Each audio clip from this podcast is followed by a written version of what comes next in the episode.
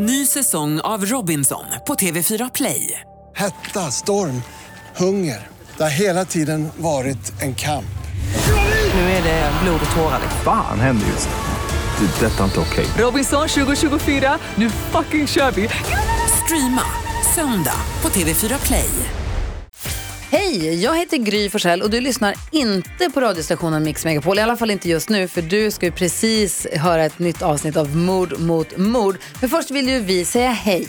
Hej, hej, det här är NyhetsJonas. Det här är Carolina Widerström. Åh, här är gullige dansken. Ja, och så Gry då, då. Det vi vill säga är att när du har lyssnat klart på den här podden, då får du gärna lyssna på våran. Vi spelar in ett nytt avsnitt varje morgon av våra podd Kvartsamtal. Och hela radioprogrammet blir ju också en podd om man är väldigt morgontrött eller så. Just det, om man missar morgonen ja. Men mest av allt så får du gärna lyssna på programmet i direktsändning varje morgon på Mix Megapol. Live varje morgon från klockan sex och då har vi med oss massor med vänner också. Thomas Bodström, Babben Larsson, Johan Pettersson, Christian Luuk. Massor med coola människor som bara dyker upp och gör livet bättre. Ja, som jag, gullige dansken. Exakt så. Och så mycket bra musik och annat skoj såklart. Så vi hörs när du vaknar på Mix Megapol. Podplay.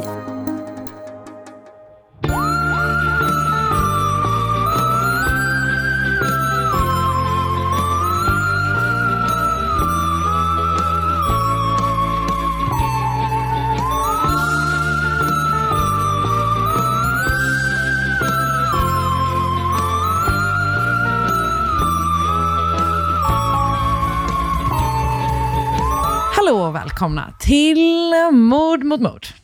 Välkomna! Alltid lika härligt att ha er här. Verkligen här hemma hos oss. Hemma i poddsfären. Gud, jag har inte ens någonting att bjuda på. Du bjuder på dig själv, alltid. Det är det största man kan göra. Mm. Hur mår du? Jo, men jag mår ju eh, jo, men jag mår bra tycker jag. Alltså jag Mm. är ju eh, inne i en period som du vet, men som lyssnarna kanske inte vet. Kanske att de gör det ändå. Där min bebis eh, inte är så peppad på att sova. Så man är ju liksom lite dum i huvudet hela tiden. Jag fattar precis. så är det. Det är Eh, och du då? Och du Ja, men det är bra. Det är bra, tack. Absolut. Du, vi har ju någonting vi behöver berätta. Det har vi verkligen. Mm. Gud, ska vi dra ut på det? Berätta i slutet så alla får vara rädda hela tiden. Skojar. Verkligen. Nej, det är ju som man kanske misstänkte eftersom vi sa det förra veckan. Exakt. eh, att vi kommer ju att behöva flytta eh, livepodden i Göteborg. Och för, Precis. på grund av de här nya eh, restriktionerna som ligger just nu, vi vet liksom inte hur länge de kommer ligga. Eh, så det vi har gjort nu är att vi har flyttat Göteborgs livepodden, som alltså skulle varit 6 februari, till den 29 maj. Exakt. Det är lite- det är som ju annat datum. Men som ju är mors dag. Just det. Så du har någonting du vill säga till våra lyssnare? Ta med din mamma och kom och titta på oss. Det är det enda Ah. jag vill säga, Karin. Okej, är det verkligen? Okej, för det är inte det enda jag vill säga. Jag vill att alla ska veta att det är min första mors dag i livet. Exakt, det är ändå stort. Och den vill väl du fira med alla oss? Och det är era mammor. Nej men eh, så att 29 maj, fortfarande på Lisebergsteatern. Om det är så att du har köpt biljett och eh, så är det liksom, du behöver inte göra någonting, det ombokas automatiskt. Om det skulle vara så att du tyvärr inte kan den 29 maj, vilket, vilken sjuk eh, kalender du har i sådana Alltså, fall då. Verkligen. Det är till och med värre än din, så, din kalender. Ehm, då får man, kan man självklart få pengarna tillbaka. Och det, eh, då har man liksom fått ett mail eh, med instruktioner om hur man gör det. Men bra att känna till är att det återköpet behöver man göra innan den 28 januari. Ehm, så att eh, liksom, ligg inte och vänta med det för länge. Utan eh, om det skulle vara så att du är uppbokad den söndagen så är vi jätte, jätteledsna för det och vi ber om ursäkt å coronas vägnar. Alltså Eh, verkligen. Men eh, då får du pengarna tillbaka. Så att in och kolla där eh, i, din, i din mail eller i din kompis som har köpt biljetternas mail så finns det information om hur du går tillväga där. Eh, vi har ju än så länge inte känt att det är läge att flytta Stockholms ehm, föreställningen eftersom den ligger så himla långt fram i tiden så att det kan hända liksom så himla mycket innan dess. Det är 20 mars. Så att vi, eh, där eh, tror vi att vi kommer kunna köra den som planerat. Vi håller alla tummar och tår för det helt enkelt. Det gör vi verkligen. Eh, Du, vi ska ju alldeles strax sätta igång. Eh, För man har ju längtat till att få höra vad du har kokat ihop den här veckan. Lät som att du Du, ljuger. detsamma. Kul när det visar sig att du inte har, alltså, att du har hittat på alla här dina true fall. Nej men gud Ah, true! vilket jävla, vilket sick mind du hade haft om du var så, så imponerad. Ehm, nej, men innan vi gör det så tänker jag ändå att vi har, vi har ju, jag har två tips ändå. Och det ena vet jag att vi ändå Mm, nice. delar. Ja. Och det är ju, jag vet inte ens om du har sett klart, men det är ju Landscapers på HBO. Ja men den har vi väl redan tipsat om? Jag vet, men då hade du, du sett den väl? Ja, exakt. Har jag det, sett, precis. hade jag sett den då med? Det vet jag Ja, inte. Men nu jag har håller vi på att båda bli galen. sett den. Ja, det kan vara så att jag hade sett den. Hade jag det? Jag vet inte. Nej. Nej. Eller? Jag Nej, det hade du inte. Nu Skitsamma. du sett den. Det är väl nu ändå har även en jag sett färdigt den också. Otrolig, eller hur? Väldigt bra. Väldigt, väldigt bra. Alltså jättebra. Mm. Och liksom inte bara som så... Det är ju liksom en spelad spelserie, eller vad man ska säga. Ehm, men eh, den är ju based on a true story, och den storyn är ju liksom väldigt intressant och sådär. Men det är ändå bland det bästa liksom, true crime-berättandet som jag typ har sett. Ja, den var väldigt eh, spännande. Den var gjord, eller experimentell. Liksom bra gjord. Ja. Ja, verkligen. Så det kan vi väl ändå säga, även om vi, och ser det så att vi säger det igen så ber vi om ursäkt.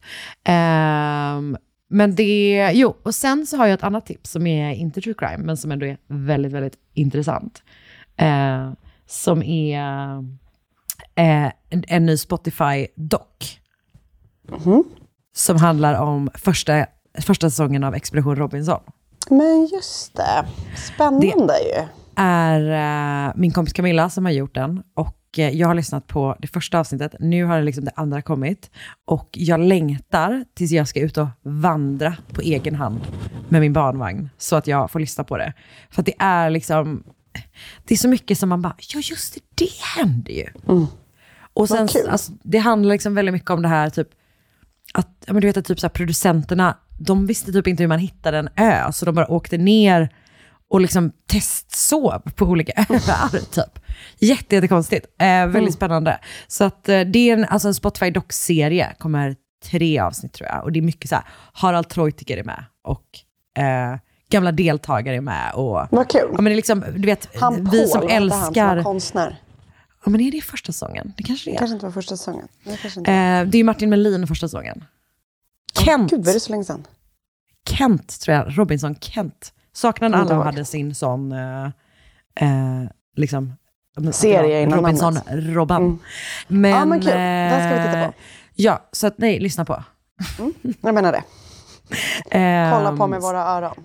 Det ska vi verkligen inte blunda med öronen för, utan ge oss hän till. Eh, så det var mina två tips. Vad, har du Kul. några, några tips? Eh, typ inte tror jag, eller? Eh, nej, Men du behöver inte. Det för, vårt första tips var ju ett delat tips. mm, sant. Mm, Så att, eh, inte mer än det. Första tipset. Men eh, ska vi, eh, without further ado, We give you 197 seven, ooh, det så rätt! episode av Mord mot mord. Bom, bom, bom. Ah, där satt den, vår fanfar. Ny säsong av Robinson på TV4 Play. Hetta, storm, hunger. Det har hela tiden varit en kamp. Nu är det blod och tårar. Fan händer just det. Det är detta inte okej. Robinson 2024, nu fucking kör vi! Streama söndag på TV4 Play. Ett poddtips från Podplay. I fallen jag aldrig glömmer djupdyker Hasse Aro i arbetet bakom några av Sveriges mest uppseendeväckande brottsutredningar. Går vi in med hemlig telefonavlyssning och, och då upplever vi att vi får en total förändring av hans beteende. Vad är det som händer nu? Vem är det som läcker? Och så säger han att jag är kriminell, jag har varit kriminell i hela mitt liv men att mörda ett barn, där går min gräns. Nya säsongen av Fallen jag aldrig glömmer på Podplay.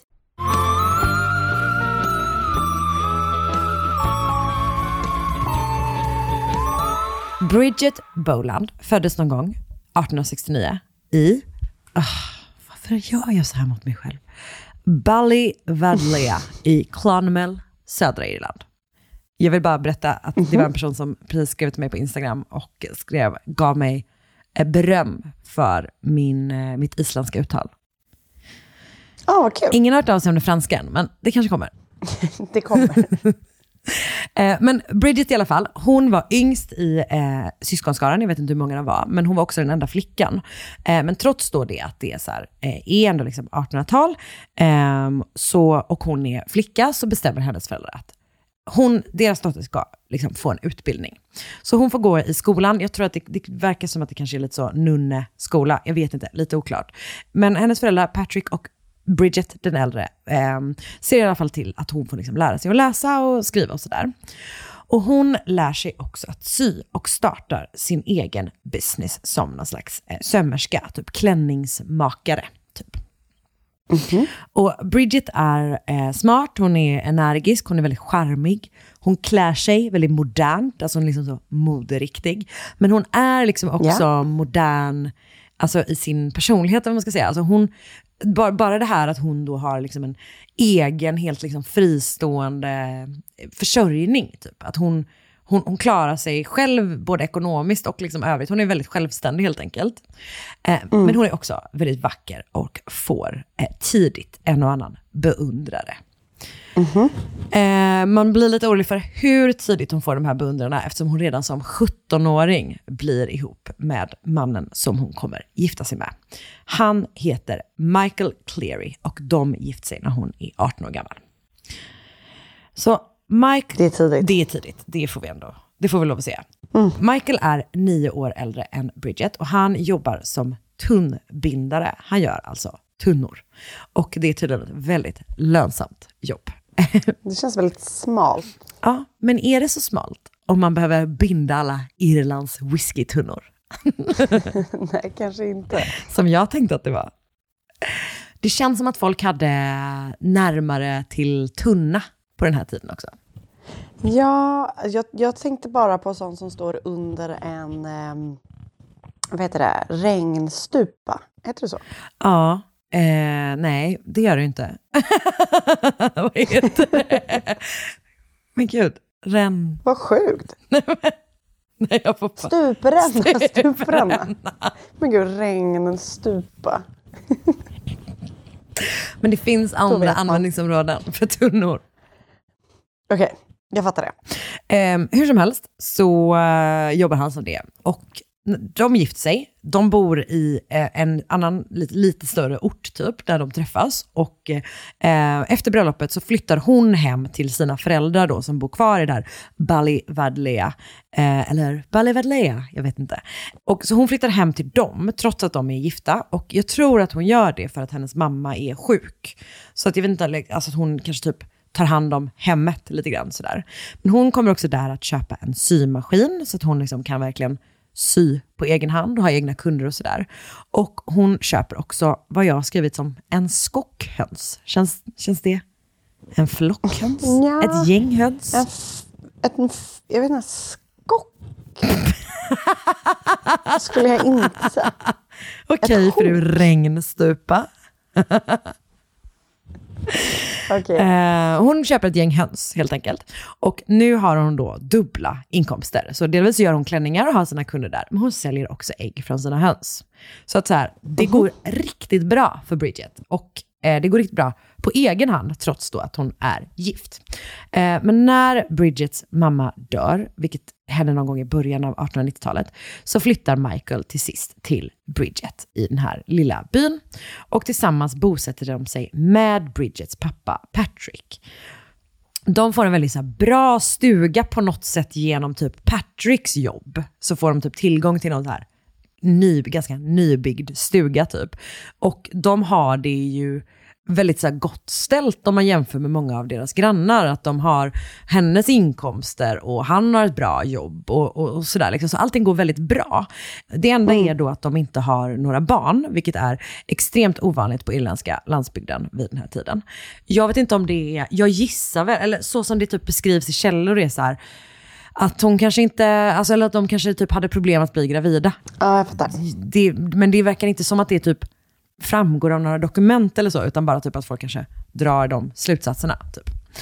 Ehm, Men utöver då det här att eh, de inte har några barn, så verkar allt bra i deras relation. Eh, alltså, man kan ju inte vilja ha barn, men det känns typ lite ovanligt Absolut. 1895 på irländska landsbygden. Ehm, Hur som helst. De bråkar inte, de har liksom tryggt bra, som sagt god ekonomi, men i mars 1895 så kommer Michael att anmäla Bridget försvunnen. Och till en början säger han till polisen att, hon liksom, att han inte typ vet vart hon är, att, hon bara, att hans fru bara är borta. Typ. Men efter ett tag så berättar han att han tror att hans fru har tagits av älvor. Okej. Och snart får polisen höra en annan historia som ehm, visserligen också liksom får, framhåller då att Michael tror att hans fru har tagits av älvor. Men den här historien, som berättas av en präst i området, eh, säger också att han har, alltså att Michael har mördat Bridget i någon slags exorcism för att få henne tillbaka från älvorna. Okej.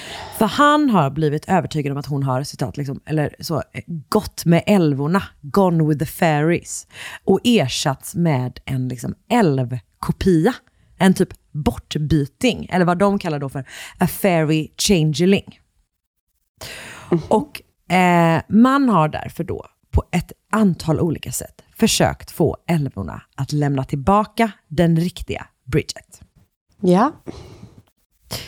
Så eh, jag kan också säga att det här, det här eh, fallet är ett tips eh, från samma person som gav oss Jeff the Talking Mongoose.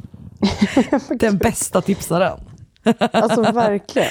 Ehm, så att älvor, eller liksom fairies, är då ett återkommande inslag i liksom så irländska sägner och typ så folklore. Ehm, och även om den, alltså den tron är ju liksom på utdöende vid den här tiden. Alltså det är ju under en sån period när man liksom kanske står lite grann i, ett, i, i en korsning mellan ett mer traditionellt kulturellt samhälle och kanske typ en mer modern samhälle, eller vad man ska säga. Sådär.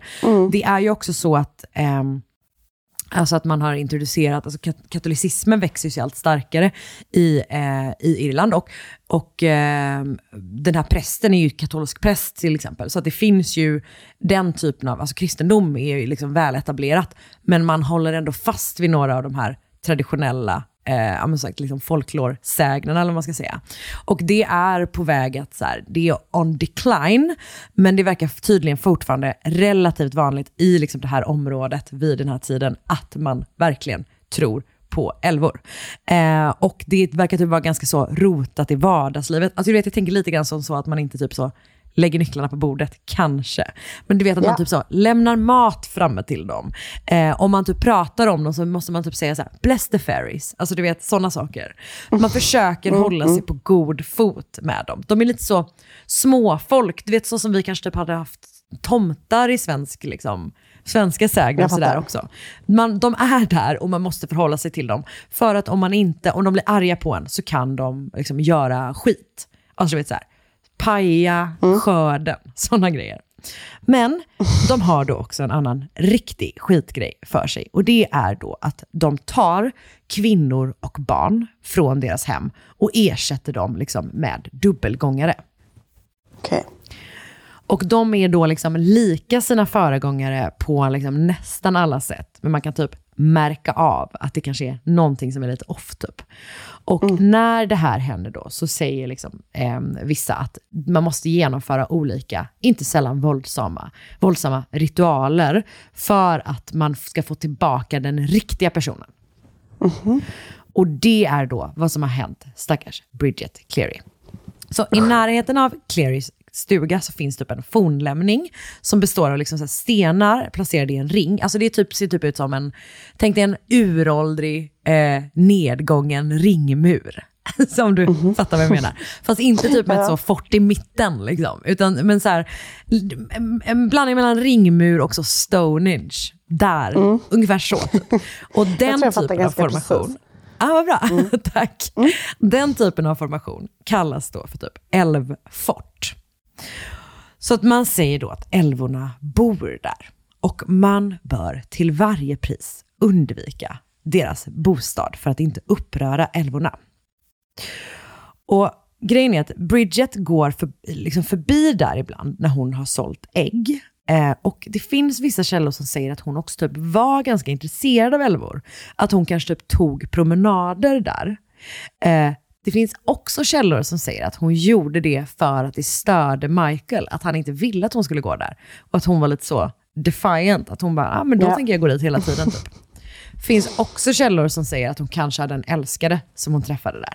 Lite oklart. Okej. Hur som helst. ehm, hon har då, liksom, det, hon har, i, i början av mars eh, 1895, så är hon eh, på en av sina långa promenader som hon ofta tar för att då sälja sina ägg. Eh, och hon, den här långa promenaden leder då förbi det här älvfortet.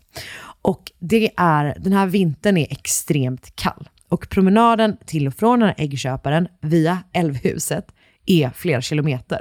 Så det är en ganska lång väg hon måste gå liksom. Mm. Så när Bridget kommer hem så har hon liksom svårt att bli varm igen. Hon börjar typ klaga på väldigt så här svår huvudvärk. Hon har frossa. Alltså hon är helt enkelt sjuk. Simple as that.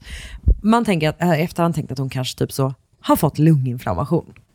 Ehm, så hon är sjuk och hon blir bara sämre. Och ehm, om jag får hårdra det så gör hon någonting som kanske en och annan man någon gång har gjort. Eh, han, han gör någonting. Vill säga, han är typ inte svinbra på att ta hand om henne. Eh, utan han, hennes pappa försöker få dit en läkare. Den läkaren verkar sjukt svår att boka in. För att han går Okej. till honom om det är på så söndagen och läkaren kommer inte till deras stuga förrän på onsdagen. Så det liksom går ganska långt. Tre dagar. Ja, och hon blir bara sämre och sämre, typ. Och till slut, jag tror att det är den 13 mars. Eh, det är lite oklart med tidslinjen, vad som händer när och sådär. Eh, men jag tror att det är en onsdag den 13 mars. Och så dyker han till slut upp. Och han levererar då den mäktiga diagnosen. Nervous excitement and slight bronchitis. Som är så bara, om hon har någon slags bronkit, men hon är också nerv, nervtokig som alla andra kvinnor. Ehm, Michael, så han, jo, han får, hon får medicin. Jag antar det, ja, det kanske är för båda två, men kanske framförallt för den här eh, lungsituationen då. Ehm, så att han skriver ut medicin till henne. Michael är inte helt nöjd med det här, utan han struntar i att ge henne medicinen och söker istället själv vidare svar på varför hans stackars fru är sjuk. Han tar dit en präst, som jag tror är samma präst som sen går till polisen och berättar vad som har hänt. Ehm, och han kan konstatera typ att så, ah, nej, men hon är sjuk, liksom. så, men hon är inte döende. Trots det så ger han henne av någon outgrundlig anledning eh, så här, den sista smörjelsen. Typ. Vilket, tänk att typ läkaren kommer och säger, så här, säger till dig bara, alltså du är, inte, du är bara sjuk, det är ingen fara typ. Men just in case så ska jag nog ändå... Ja, Jag inte trodde det var- superlugnande. Men vadå? Efter.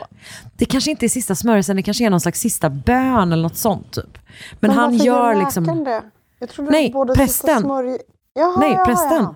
Okej, okej, nu Sa jag läkaren? Nej men det här är prästen. Läkaren har varit där innan, han kommer ge henne medicin. Michael vill inte ge henne mediciner utan han tar dit prästen istället. Han, Ja. Prästen ger sista smörjelsen. Eh, som, eller någon slags sån avslutande prästsituation. Jag är inte så bra på, det vet du, på prästgrejer. Nej, vem är det? Men, en präst nej, kanske är bra på präst, det. Exakt. typ inte den här prästen, uppenbarligen. Eh, men det här hjälper ju då inte Michaels idéer. Eller snarare, det hjälper verkligen Michaels idéer. Alltså han blir övertygad om att någonting är riktigt off med hans fru. Och han blir också övertygad om att så här, hon kommer dö, typ. Och han har lite olika funderingar kring då, han börjar tänka så här, hmm, vad konstigt det är att min fru, som aldrig är sjuk, nu är sjuk. Han tycker också att hon verkar vara, citat, too fine, vilket jag inte tänker är liksom you so, you're so fine, som är Nej. så här snygg, utan mer kanske Eh, kan det vara liksom mer fin som är tunn? Eller sådär. Jag vet inte. Eh, men det är någonting som är lite off där. Och sen så tycker han också att hon eh, är two inches, alltså typ fem centimeter längre än vanligt. Och ehm, Ehm, under Bridgets sjukdomstid så får de besök av ett gäng olika släktingar. Alltså det verkar verkligen vara rusning i det här huset. Olika kusiner och farbröder och morm och mostrar. Alltså det är liksom genomrusning hela tiden, vilket låter vidrigt när man är sjuk. Ehm, men eh, en av de som kommer på besök är hennes farbror, en man som heter John Dunn. Och han eh, är lite av en så folklore-expert i området. Och när han får syn på Brid- Bridget säger han direkt till Michael att han vet vad problemet är. För att det är inte Bridget som ligger sjuk i sängen. Det är en dubbelgångare. En liksom älvkopia av hans fru. Ja. Som har ersatt henne efter att hon har försvunnit med älvorna i samband med den här promenaden. Och då faller ju allt på plats för Michael, som du säkert förstår. Så han och John får i liksom all hast ta kontakt med någon slags så naturmedicinperson som har botemedel mot just den här sjukdomen, eh, då den här älvsituationen. Eh, och han slänger ihop någon brygd på beska örter och färsk mjölk. Det föreslås också på något ställe att det kanske blandades i lite urin, för det brukar verkar tydligen vara standard. Vet inte om det stämmer. Men hur som Nej. helst, så de får den här brygden och tar med sig den hem till stugan. Och sen så kommer Michael då att ta hjälp av fyra andra män, varav en är John Dunn, för att liksom hålla nere Bridget i sängen och försöka tvinga i henne den här brygden. Och efter det så liksom det blir startskottet på två dagar av liksom tortyrliknande misshandel eh, som leds av Michael, men som liksom kommer involvera typ ett tiotal av hennes släkt och vänner. Shit. Och hon kommer den här tiden utsättas för liksom massa olika saker. Eh, en del är liksom bara typ märkligt. Alltså typ att Michael typ tvingar henne att äta tre bitar torrt bröd innan hon får en klunk te. Eh, någon, någon tanke om att det är typ en symbol för Fadern, Sonen och den heliga anden. Okej. Och när hon då har svårt att svälja det tredje, så tar han det som en, liksom, ett tecken på att hon är bortbyting. Och trycker typ ner henne på golvet och försöker liksom trycka ner det här brödet. Han tvingar henne att tre gånger, alltså det här verkar vara återkommande om och om igen, så försöker, tvingar han henne att tre gånger i rad svara på frågan Are you Bridget Boland, wife of Michael Cleary in the name of God? Och typ andra så liknande frågor ställs om och om och om igen. Eh, och eh, vid ett tillfälle så tvingas hon svara på det när hon hålls över liksom den öppna elden. Okej. Och även om hon liksom svarar om och om igen att så här, ja, jag är Bridget Boland, typ the wife of Michael Cleary in the name of God. Alltså ingenting hjälper, ingenting liksom biter på Michaels övertygelse om att hon inte är det. typ. Hennes pappa deltar också i det här. Eh, och, eh, och även vid ett tillfälle så håller de henne över elden och han frågar om hon är hans dotter. Och hon bara, I, och då svarar hon, I am dada. Inte så hemskt. Och efter det så tror hennes pappa och typ även vissa andra familjemedlemmar på att hon inte då är en bortbyting eller liksom en, en kopia, en dubbelgångare. Eh, men, men det- det hjälper inte heller Michael. Utan han är liksom helt inne i det här. Och han och hans olika medhjälpare, de, du vet, de misshandlar henne, de typ så här skakar henne jätte- jättemycket. De tar vid något tillfälle också dit så prästen igen och typ ger henne nattvarden. Eh, alltså de gör liksom så himla mycket olika saker. De typ häller urin på henne. Alltså de skriker att hon är ett monster, en häxa, en bortbyting, en dubbelgångare. Och så bränner de henne liksom med så glödande trä från elden typ. Shit. Och under stora delar av den här misshandeln så visar Bridget också upp någon slags liksom motstånd. Eh, alltså liksom hon typ så trotsar sin man, trots att hon är i den här fruktansvärda situationen. Eh, så säger hon typ ändå emot honom och hans dumma jävla påhitt ibland. Typ att hon så vägrar svara på vem hon är tre gånger, utan hon svarar på alltså bara två gånger. Och sen så här, svarar hon inte typ. Eh, vid ett tillfälle så säger hon ehm, till sin kusin Joanna, eh, Joanna som, som är, typ är, är där och inte är delaktig eh, och också kommer typ bli huvudvittne under rättegången typ. Hon säger typ att här, han har trott att jag har varit en dubbelgångare och har varit helt obsessed för den här eh, älvgrejen i typ flera månader typ. Han, har all, han anklagar alltid mig för att vara det här typ. Eh, och vid ett tillfälle så säger hon också till Michael att så här, en anledning till att du tror att jag har gone with the fairies är för att your mother went with the fairies. Vilket känns som en sån uråldrigt din mamma-skämt. Eh, som en så jävla bra diss liksom. Nej, men så att hon säger liksom emot honom, ehm, trots att hon är under de här fruktansvärda liksom, eh, förhållandena. Och han utsätter henne för så jävla många grejer. Och just det här att det är så många som är henne nära, som är liksom med i Så det här. läskigt ju. I hennes hem typ, och hon kan inte göra någonting. Sådär. Och sen ger hon ju med sig också, såklart, liksom, för att hon utsatts för så jävla mycket våld. Typ. Men på kvällen den 15 mars så tar det slut. Eh, och då liksom vittnar hennes pappa, hennes farbror och flera kusiner hur Michael sliter av Bridget kläderna. Eh, om och om igen kräver att hon erkänner att hon är ett monster. Medan han typ häller lampolja över hennes kropp och tänder på. Och när kroppen typ slutar brinna och Bridget inte liksom rör på sig längre så säger Michael till de som är där att så här, snart kommer kroppen att så go up the chimney och eh, deklarerar återigen att så här, that is not my wife. Men som väntat händer förstås ingenting. Utan Bridgets kropp ligger kvar och eh, Michael hotar en av hennes manliga släktingar med en kniv för att han ska hjälpa henne, eh, honom att begrava henne.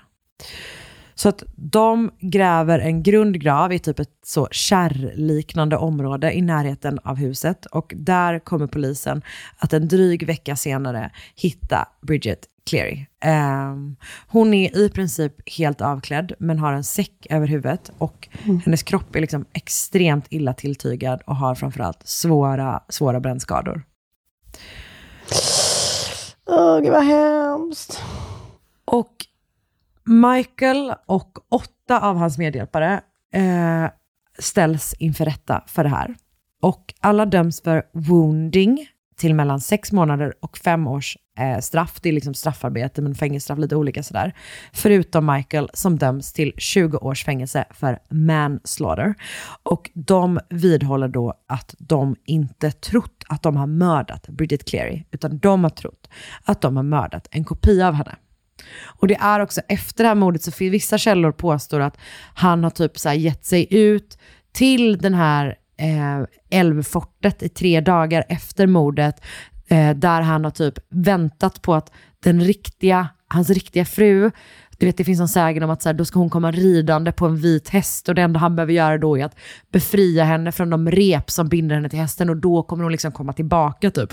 Så det finns liksom tecken på att han trodde på det på riktigt. Men det finns också de som menar att så här, eh, hon kanske, att det här är mer av ett liksom, du vet sånt vanligt eh, fall där en man mördar sin fru för att hon typ eh, säger emot honom och kanske typ har en älskare eh, än att du vet det här övernaturliga typ finns med. Liksom. Men uppenbarligen så funkar det ju på något sätt som ett försvar för att som sagt han döms eh, för dråp och inte för mord. Typ. Michael kommer att sitta 15 år i fängelse men släpps 1910. Och då emigrerar han till Kanada. Först flyttar han till Liverpool ett tag och sen så emigrerar han till Kanada. Eh, och efter det så vet ingen vad som hände honom. Så att den här historien utspelar sig då 1895 på ett Irland där diskussionen om ett irländskt självstyre du vet, har tagit fart. Men det här är så himla långt innan. Liksom. Men det är upptrappningen mellan de som vill ha makten, alltså vill, att, vill ha ett irländskt självstyre, vilket ju också eh, blir liksom republiken Irland. Det, det är liksom en konflikt mellan dem som är så här, det irländska folket bör styra sig själva och de som tycker att makten ska vara kvar i London. Och de som menar att makten ska vara kvar i London eh, är, alltså, lyfter ofta fram då att, att de menar att irländska folket inte är kapabla att styra sig själva. Och da, den liksom rörelsen kommer att så, slå upp det här mordet jättestort och använda det som liksom ett politiskt slagträ. Att de är så här, eh, hur ska ett folk som tror på älvor kunna typ leda sig själva? Så att det, är liksom, det här liksom fruktansvärda mordet används som ett argument för att eh, Irland inte ska bli självständigt på ett så jävla ja, in, intressant och märkligt sätt. Um, Okej, okay. så Bridget begravs bredvid sin mamma och hennes mord kallas lite felaktigt ibland för den sista liksom, häxprocessen på Irland. Och fallet har också fått en egen plats i liksom, irländsk folklår och även resulterat i en sån, kommer du ihåg när du gjorde det Lizzie Borden-fallet? Mm, mm. Att det fanns typ som en sån nursery rhyme nästan som var eh, som handlade om det, 40 wax typ. Det finns en liknande kring det här som är då eh, en ramsa som går Are you a witch or are you a fairy or are you the wife of Michael Clary? Oj. Och jag har då sett YouTube-klippet The Fairy Trial of Bridget Cleary av The History Guy, eh, läst Irish Times artikel The Story of the Last Witch Burned Alive in Ireland av Dean Ruxton, Maria Perez Guervos artikel The Bizarre Death of Br Bridget Cleary, eh, The Irish Fairy Wife för The Irish Fairy Wife för Mental Floss. Allt hängde ihop. Bra. Eh, Natasha Sheldon eh, som har skrivit för History, History Collection. Sen har jag läst eh, Irish Centrals artikel Bridget Cleary, The Last Witch Burned in Ireland. Två New York Times-artiklar från 1895. Och sen har jag förstås också läst på vår vän Wikipedia. Underbart. Det var... Vilket, eh, det var det. Vilket bra tips måste man väl ändå säga. Nej men alltså, man måste ge det till den här personen. Mm. Att tipsa kan den. Väldigt imponerande. Verkligen. Ny säsong av Robinson på TV4 Play. Hetta, storm, hunger. Det har hela tiden varit en kamp. Nu är det blod och tårar. Fan händer just det. Det är detta inte okej. Robinson 2024, nu fucking kör vi! Streama söndag på TV4 Play. Ett poddtips från Podplay. I fallen jag aldrig glömmer djupdyker Hasse Aro i arbetet bakom några av Sveriges mest uppseendeväckande brottsutredningar. Går vi in med hemlig telefonavlyssning och, och då upplever vi att vi får en total förändring av hans beteende. Vad är det som händer nu? Vem är det som läcker? Och så säger han att jag är kriminell, jag har varit kriminell i hela mitt liv men att mörda ett barn, där går min gräns. Nya säsongen av Fallen jag aldrig glömmer på Podplay.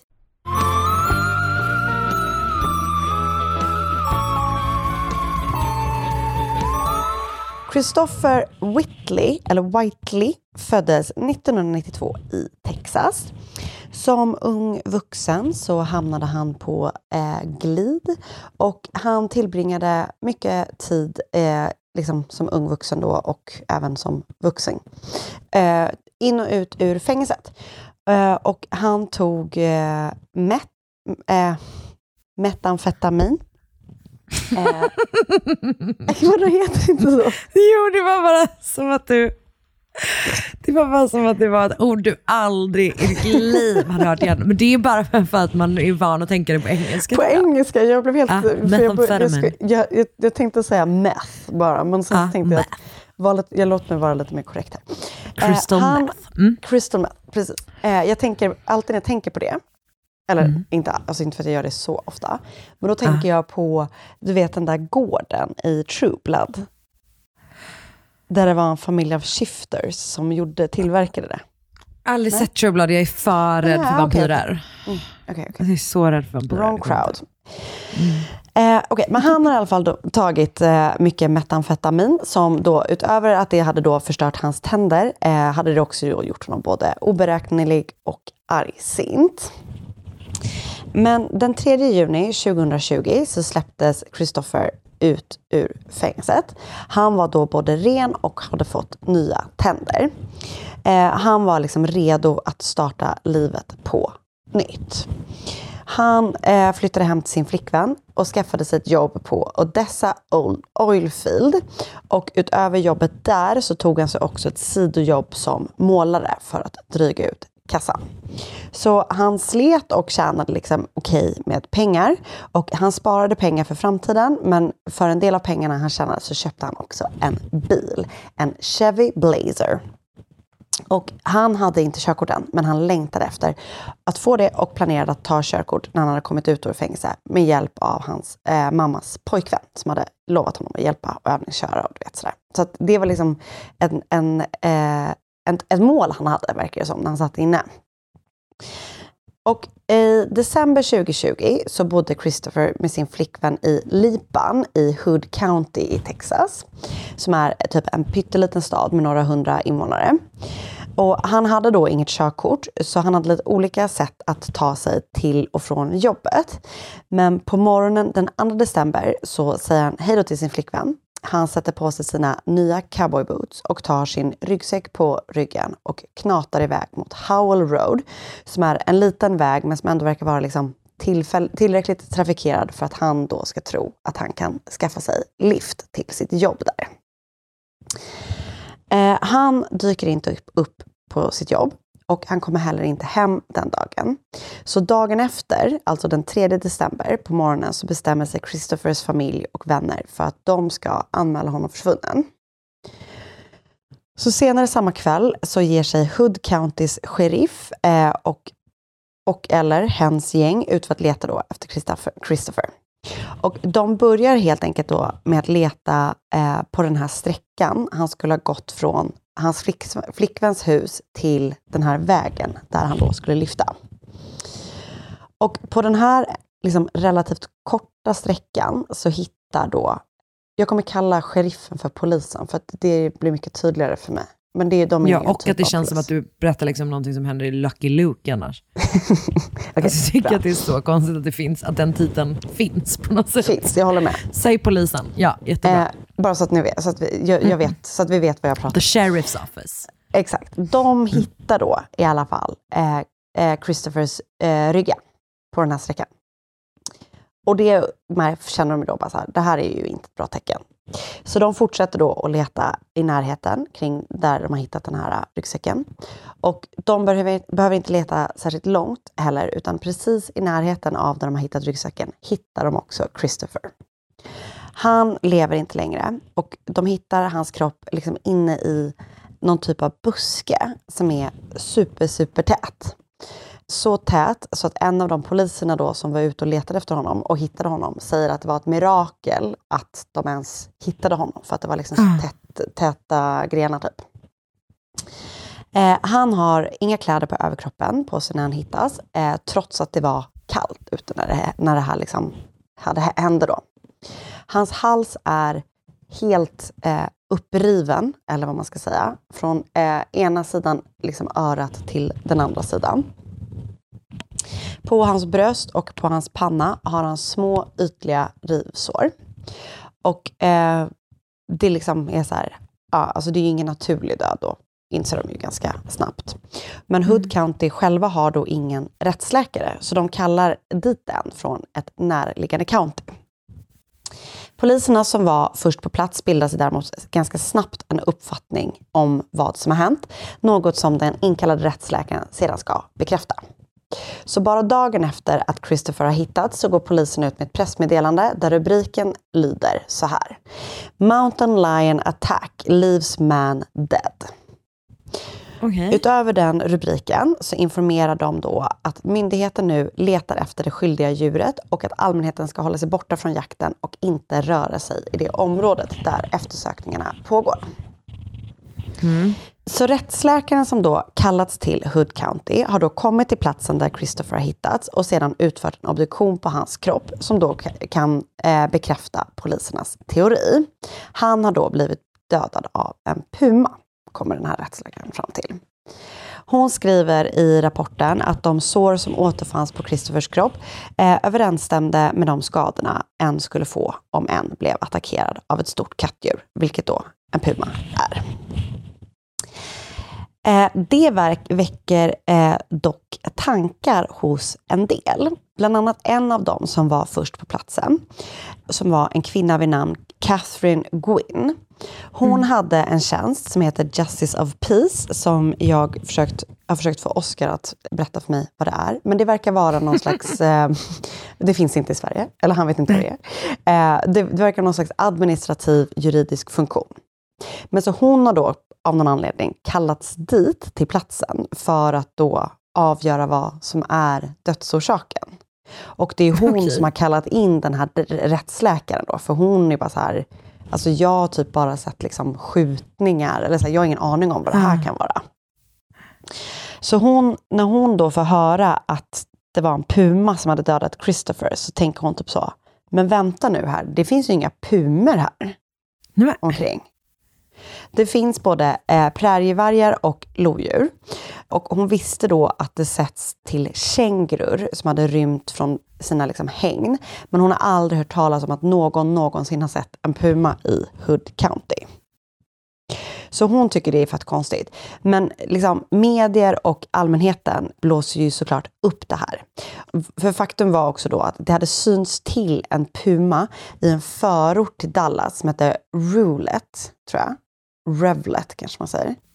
Som ligger 16 mil från Hood County. Inte så lång tid innan. Så medierna då och typ allmänheten är bara så här, jo men det kan absolut ha varit det. För 16 mil bort härifrån så har man sett en puma en gång. Just det. Eh, och eh, sheriffen då,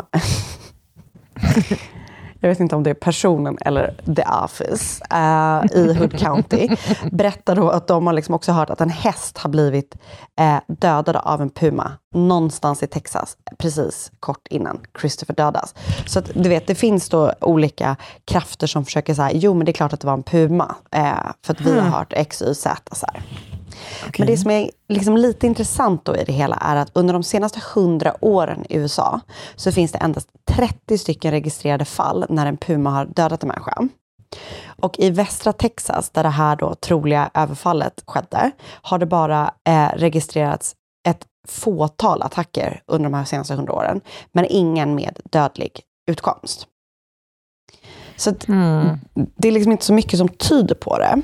Så vidare kallade polisen in olika experter, bland annat en jakttillsynsman som kom till platsen och du vet, så här, för att kolla på spåren då, efter hur det såg ut där runt platsen, där då den här puman hade överfallit Christopher. Och den här jakttillsynsmannen eh, kan då konstatera att det är inga av de spår som borde funnits på platsen av en pumaattack fanns på platsen.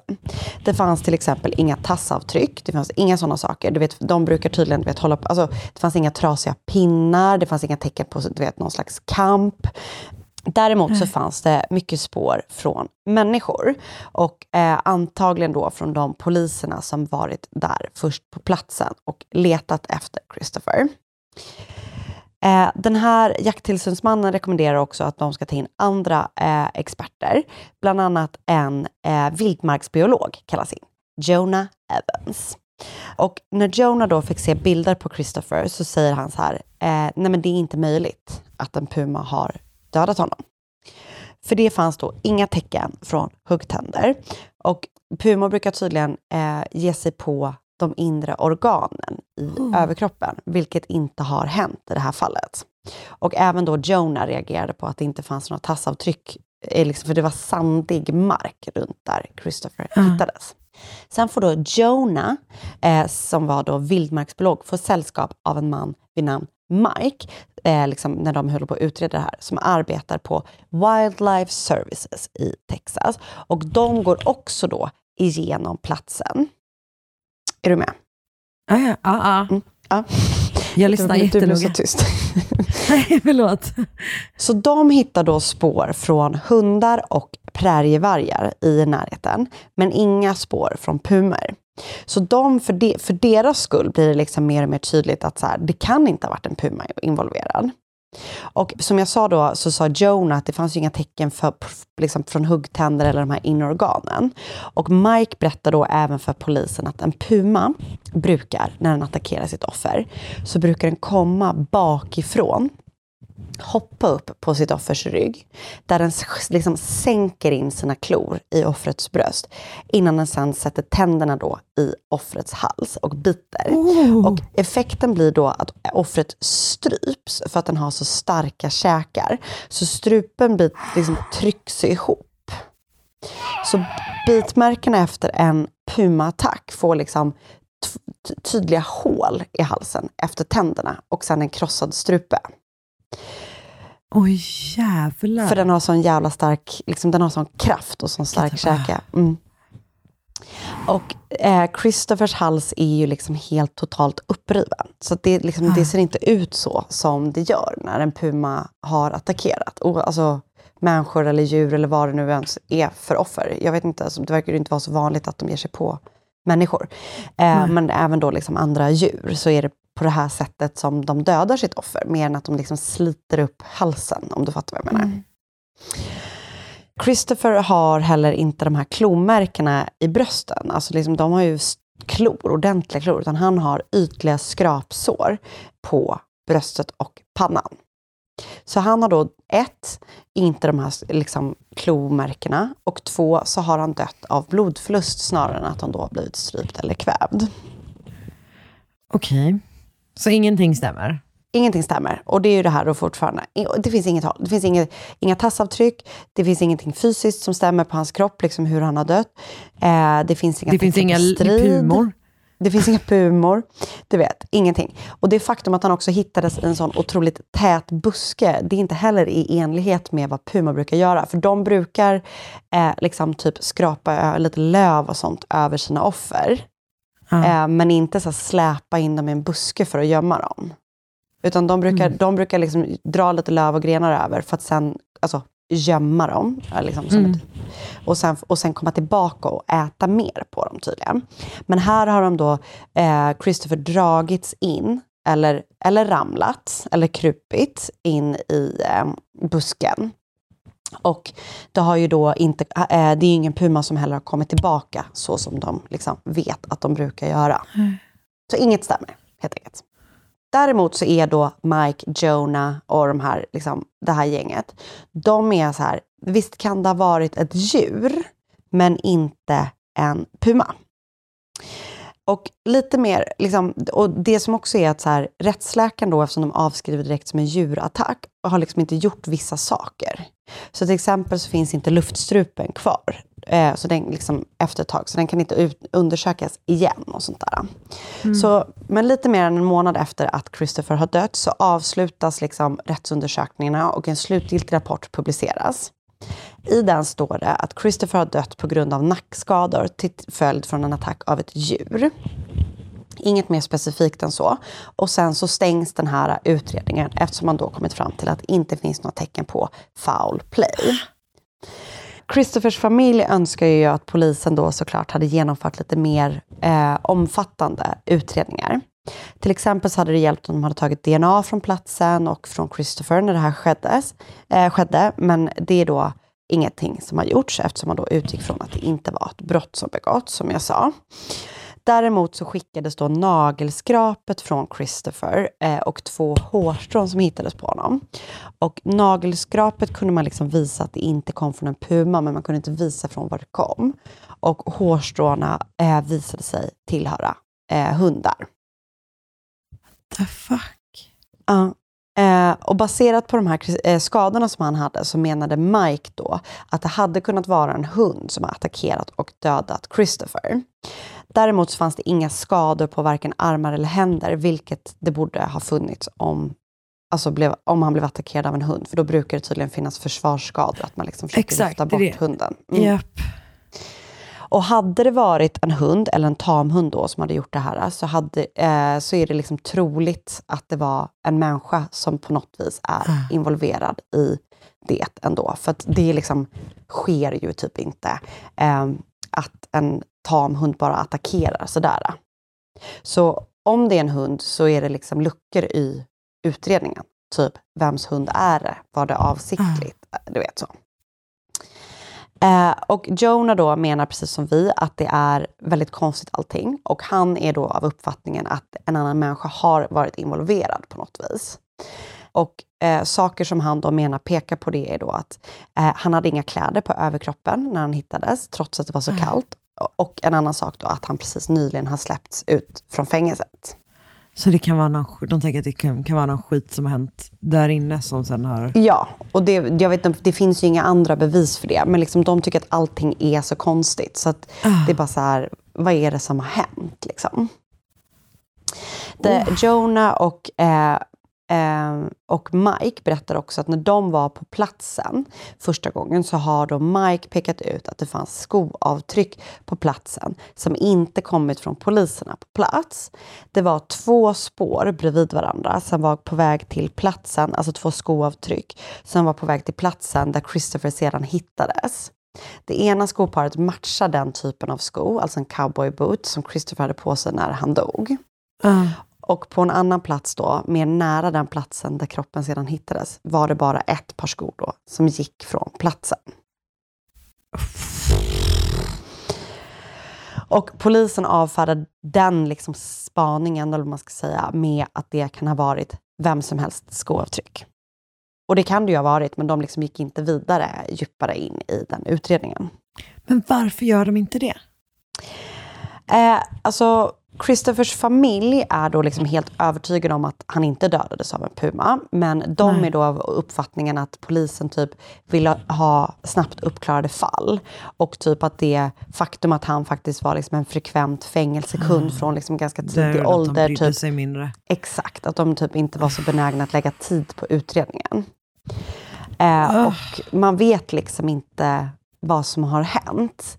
Men, och polisen står liksom fast vid att det är en djurattack. Och eh, ja, det är bara så konstigt. Så att jag liksom var bara Oh. tvungen att berätta om det här. För när jag läste liksom en artikel om det här så var det typ att jag bara, men gud. Alltså du vet, det är liksom några hundra meter bort från hans flickväns hus som han då supposedly blir attackerad av en jävla puma. Alltså jag vet inte, det är bara för konstigt. Du vet vad som också känns himla konstigt? Att så här, Nej. om de bara skulle presentera teorin det här är en puma, eller liksom det är ett djur, Mm. ett vilddjur, så undrar man ju varför i helvete de valde puma typ.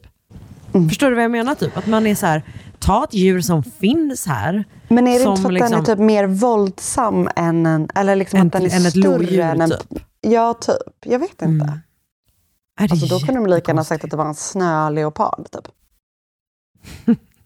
Jag vet inte, kanske inte.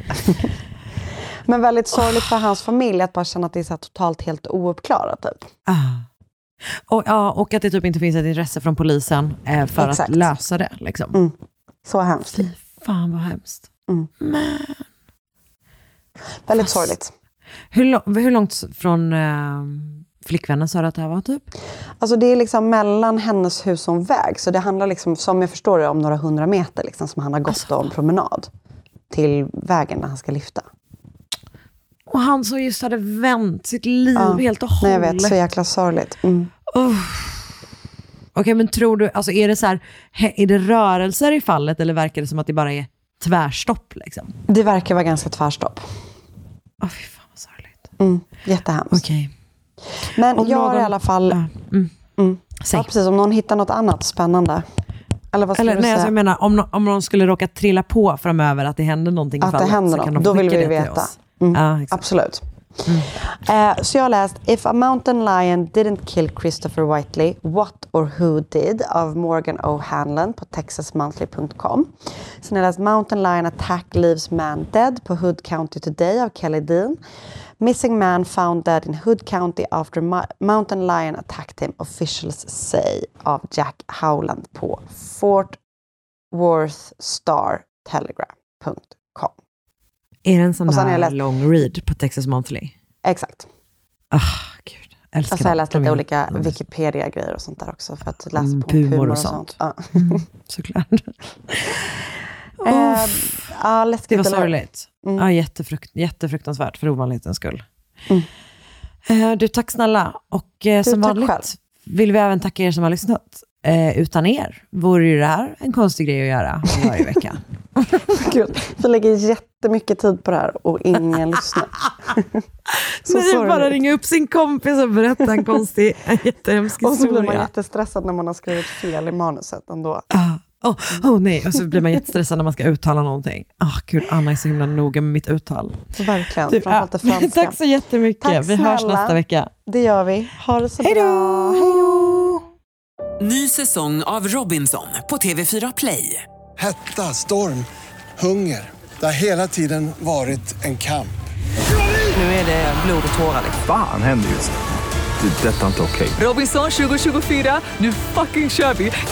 Streama söndag på TV4 Play.